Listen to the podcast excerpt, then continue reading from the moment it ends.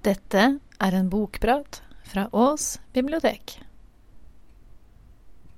Jeg syns ofte det er veldig vanskelig å finne ut hvilke bøker jeg skal snakke om på disse bokpratene. For som bibliotekarer så snakker vi mye om kontekst i formidlingen når vi snakker om å fortelle om bøker. At du skal vite hvilke bøker du snakker om, at eh, de skal passe til en spesifikk målgruppe, og bla, bla, bla. Og hvis jeg skulle brukt det nå, så tenker jeg jo alltid at da måtte jeg alltid snakke om voksenlitteratur her. Helst noe sånn smal, vanskelig voksenlitteratur som, passer til dere. Men det gjorde jeg jo ikke. For eh, jeg jobber jo her nede i kjelleren. Og jeg holder jo på med barne- og ungdomsbøker hele dagen. Og dermed skal jeg fortelle dere om en ungdomsbok i dag òg. Det er en ungdomsbok som jeg tror dere kommer til å like godt å lese. Boka heter 'Det hjelper ikke å blunke'. Og den er skrevet av den norske forfatteren Lene Ask. Lene Ask er født i 1974, og hun er et navn du kjenner veldig godt hvis du jobber på bibliotek. For hun har gjort masse. Hun har eh, laga mange tegneserier og billedbøker men dette tror jeg er den første ungdomsboken hans. I fjor så ga jeg ut boka 'Det for tiger'. En billedbok for de som syns det er vanskelig å lære å lese, og som tenker at det er det tiger begynner med. En av mine favoritt-tegneserier som hun har lagd, heter 'Herfra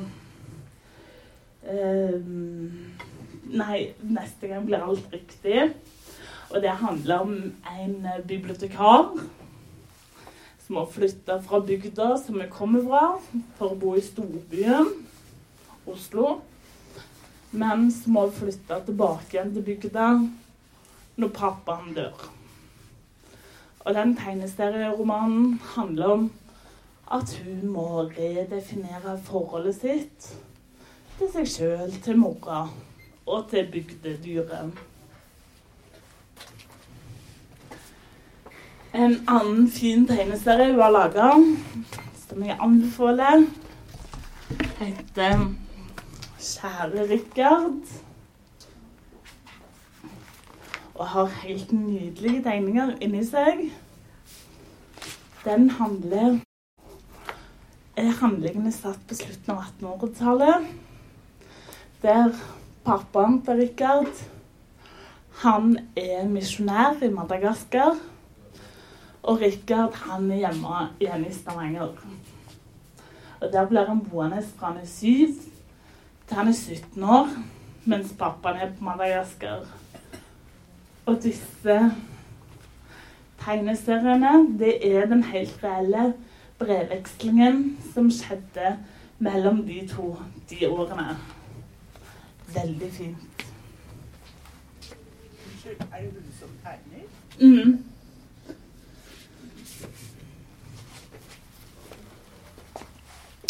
Hun har òg skrevet mange billedbøker. Eller seks-syv stykker. Der mine favoritter er de bøkene som handler om familien Rotle. Familien Rotle er denne gjengen her. Og denne boka handler om Om at de skal dra og besøke mormor. Mormor hun lager verdens beste boller, og hun er kjempetrivelig. Og nå har hun flytta på gamlehjem. På Paulus sykehjem i Oslo, faktisk. Og så har hun Alzheimers. Og det har Lenarsk tatt opp veldig fint i den boka. Det er en morsom bok med mye spøk og tøys. Men allikevel så er det et alvor der i at mormor kjenner det jo ikke igjen. De kommer på besøk, og mormor vet ikke hvem de er. Og når jeg har tatt og lest den boka for barnehagebarn nede i kjelleren, så har vi hatt fine diskusjoner om hva skjer hvis mormor ikke er hjemme. Hva skjer hvis mormor glemmer oss? Hun skaper fin debatt. Hun har som sagt gjort mye fint. Men den boka som jeg skal snakke om i dag, det er jo denne. Det hjelper ikke å blunke.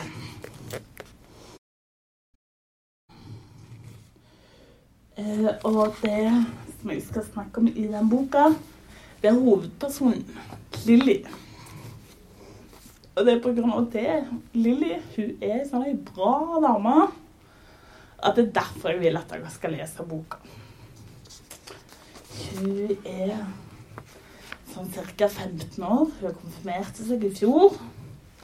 Hun bor med foreldrene sine. Hun har en veldig god kompis som heter Are. Og så har hun hareskår. Et arr på leppa, og så har hun skeiv nese. Og så er hun skikkelig god til å løpe. Og det med at hun har hareskår og denne nesa, det er liksom det som skal gjøre henne spesiell. Det, det, er sånn denne boka blir reklamert inne og solgt ut på. Hun har en skeiv nese, men hun er kjempegod til å løpe. Men det, men det er ikke det jeg syns er mest interessant med den. Boka er på mange måter en ordinær ungdomsbok. Handlingen går sånn cirka som at hun har den gode kompisen Are, og at de skal gå på den første festen der de drikker øl sammen. Og så tar hun og kysser og det blir kleint, for han ville jo ikke at hun skulle kysse han. Så da bare springer jo alt du kan vekk, alt du kan. Og så blir mye av boka brukt etterpå på at hun skammer seg sånn over det. Å nei, det var fælt, og bla, bla, bla. Og da ligger det i boka at å, det er pga. dette hareskåret. Ingen kan like meg siden jeg ser så rar ut. Men det er jo ikke derfor å føle seg sånn utenfor. Alle er jo utenfor når de er 14, og så har de begynt å drikke og forelske seg i bestekompis. Det er ikke det interessante med denne boka. Det som er det interessante, er at Lilly var et så veldig etterlengta barn. Og hva det betyr for noe. At hun var så veldig etterlengta. Eh, og det er det som jeg tror har merka hovedpersonen vår mer enn akkurat det at nesa hennes er skeiv. Det snødde veldig den natta Lilly ble født, begynner andre kapittel i boka. Lene Ask skriver at det snødde så mye at taxien kjørte seg fast i bakken opp til Rikshospitalet. Mamma måtte gå resten av veien med rier og sommersko, for hun hadde så hovne bein at det ikke fikk plass i vinterstøvlettene. Den historien har Lilly hørt mange ganger, og vi får høre den flere ganger i boka. Mamma og pappa hadde gleda seg sånn til denne ungen som skulle komme. De hadde prøvd å få barn i flere år, men hadde mista mange ganger. Men Lilly hadde klamra seg fast. Hun hadde sparka akkurat når hun skulle, og alt skulle bli bra. I babyalbumet til Lilly har mamma limt inn det lille armbåndet som alle babyer blir utstyrt med, sånn at foreldrene ikke skal ta med seg feil unge hjem fra sykehuset. Men det er et poeng i det Ask skriver. Det hadde jo ikke vært noen fare med det. Lilly var jo ikke til forveksling lik andre babyer. Og det er jo det. At hun ser annerledes ut som gjør at hun hele tida føler seg annerledes. Men jeg er fremdeles ikke enig i det. Hvem er det som ikke føler seg annerledes på ungdomsskolen? Å gi hovedkarakterene sine fysiske skavanker Det er faktisk en økende tendens i barnelitteratur. 'Mirakel', en amerikansk bok, kom ut i 2013, og den er veldig populær. Jeg har kanskje gitt seg litt nå, men den var veldig det når den kom ut. Den handler om August på ti år som hadde en genfeil som gjorde at han ble født med et helt vansiret ansikt. Han hadde ikke noe ører, og, og det måtte bli operert på. Og det står i boka at han så så rar ut at det går ikke an å forklare det egentlig, for du ville ikke trodd på det likevel. August ble hjemmeundervist han gikk i 5. klasse. Men i denne boka så liksom kom han med. Begynner han på skolen. Og det blir mobbing, og det blir drama, og det blir alt slags. En norsk barnebokserie handler om superbitchene. Der er det Anne Bea. Hun er albino. Og det er kampen mot superbitchene. Kampen mot de tøffeste jentene i klassen denne serien handler om. For hun, hun er jo helt hvit, og hun kan jo ikke se. Og hun dulter jo borti alt når hun går. Så det er liksom problemet hennes. Um, men det hjelper ikke å blunke. Av Lene Ask skiller seg ut allikevel. For selv om hun har dette fysiske skavanket, så er det litt mer innenfra sett, bare. Det er for hun det er et problem. Jeg tror de rundt meg i boka òg tenker at ja, ja, alle er jo forskjellige. Um, derfor Jeg syns det er så interessant det der med at du er et så veldig etterlengta barn. At det ligger så mye opp til hun at hun er mamma og pappa sin mirakeljente. At det er derfor det blir så slitsomt for henne, dette her med at hun ser litt rar ut. For det er så mye press som ligger oppunder. I slutten av boka så har hun en fæl klassefest der jeg kommer inn og ødelegger tingene, og det blir mas og søppel og sånn som det pleier å bli. Men hun får så ordentlig kjeft. Hun får heller en Ja, men også av deg, da. Du er jo mamma og pappa sin Lilly. Og jeg tror jeg tror at Hvis jeg hadde vært 14 år, altså i målgruppen til den romanen, så tror jeg at det er det aspektet jeg ville likt best med boka. For det var jo så mye å leve opp til og tenke på. Tenke at du skulle være flink nok til og bra nok til. Eh, og det viser de så himla godt. Det viser Lene Ask så himla godt i denne boka, som er veldig deilig å lese. Lene og Ask har gjort Lilly og mammaen til klare motsetninger. Mammaen til Lilly er skuespiller og jobber på teateret. Og hun er kjendis og går med mye fin sminke. Og så blir hun intervjua av ukeblader med glansa papir. En fin scene i boka er at vi er på Lindex for å kjøpe BH-er til Lilly. Og så blir det så kleint.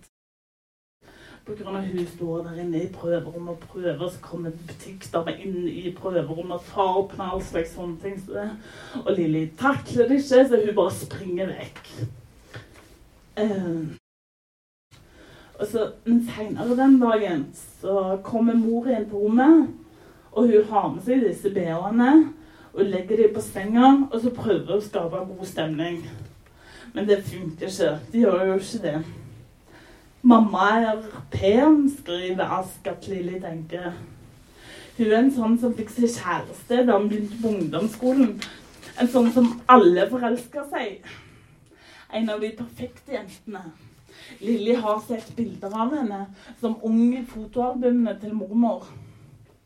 Hun kan nesten ikke skjønne at de er i slekt. Og dette tror jeg er tanker som mange ungdommer har. Samme hvordan de ser ut, eller om de fikk seg kjæreste når de begynte på ungdomsskolen. At de ikke kan skjønne at de er i slekt med de der galne folka rundt seg. Eh, Men grunnen til at det er dette aspektet jeg liker best nå, det er motsatt. For eh, mamma og pappa de er jo bare glad i Lilly. Og så har hun vært syk, og så har det vært mye. Og det er bare hun de har. Og de er så veldig, veldig, veldig glad i henne. Og det kan vi jo skjønne. Man er jo glad i disse ungene våre. Men med å lese denne boka så kjente jeg litt på hvor mye press er det lov å legge på ungene sine. Når sitt setter man seg på dem for mye? Um, man har det jo bare til låns, er det noen som sier om barn. Og denne boka fikk meg til å kjenne på at man skal være ganske glad for å ha de her når de er her. Til slutt så vil jeg fortelle dere om konfirmasjonen til Lilly. Hva hun fikk i konfirmasjonsgave av foreldrene, og hva reaksjonen hennes var. Det skulle være en overraskelse, men hun hadde forstått at noe var i gjære. For pappa hadde tatt bilder av henne fra all slags vinkler. På konfirmasjonsdagen hadde pappa vekket henne tidlig og spurt om hun ikke ville komme ned til frokost. Mormor hadde kommet fra Stavanger dagen før med den nye bunaden hun hadde sydd til henne. I trappa hadde hun hørt mumlinger fra mamma og mormor, som allerede satt ved frokostbordet, men da hun åpnet døren, hadde det blitt helt stille. To par forventningsfulle øyne hadde stirra på henne. På bordet mitt mellom egg og tomater og nystekte rundstykker ved plassen hun pleide å sitte, hadde det stått en buste. Den var støpt i bronse eller noe. Hun hadde med en gang sett hva busten skulle forestille. Så hadde det begynt å prikke i hendene. Hun hadde blitt tørr i munnen da hun fulgte den gjenkjennelige profilen med øynene. Den flate nesa, det svake underbittet og arret. Hun hadde ikke sett seg selv på denne måten før. Sånn utenfra, liksom. Men det men det får vi med oss i denne boka. Vi får se Lilly både utenfra og innenfra. Og det syns jeg skaper en veldig fin leseropplevelse.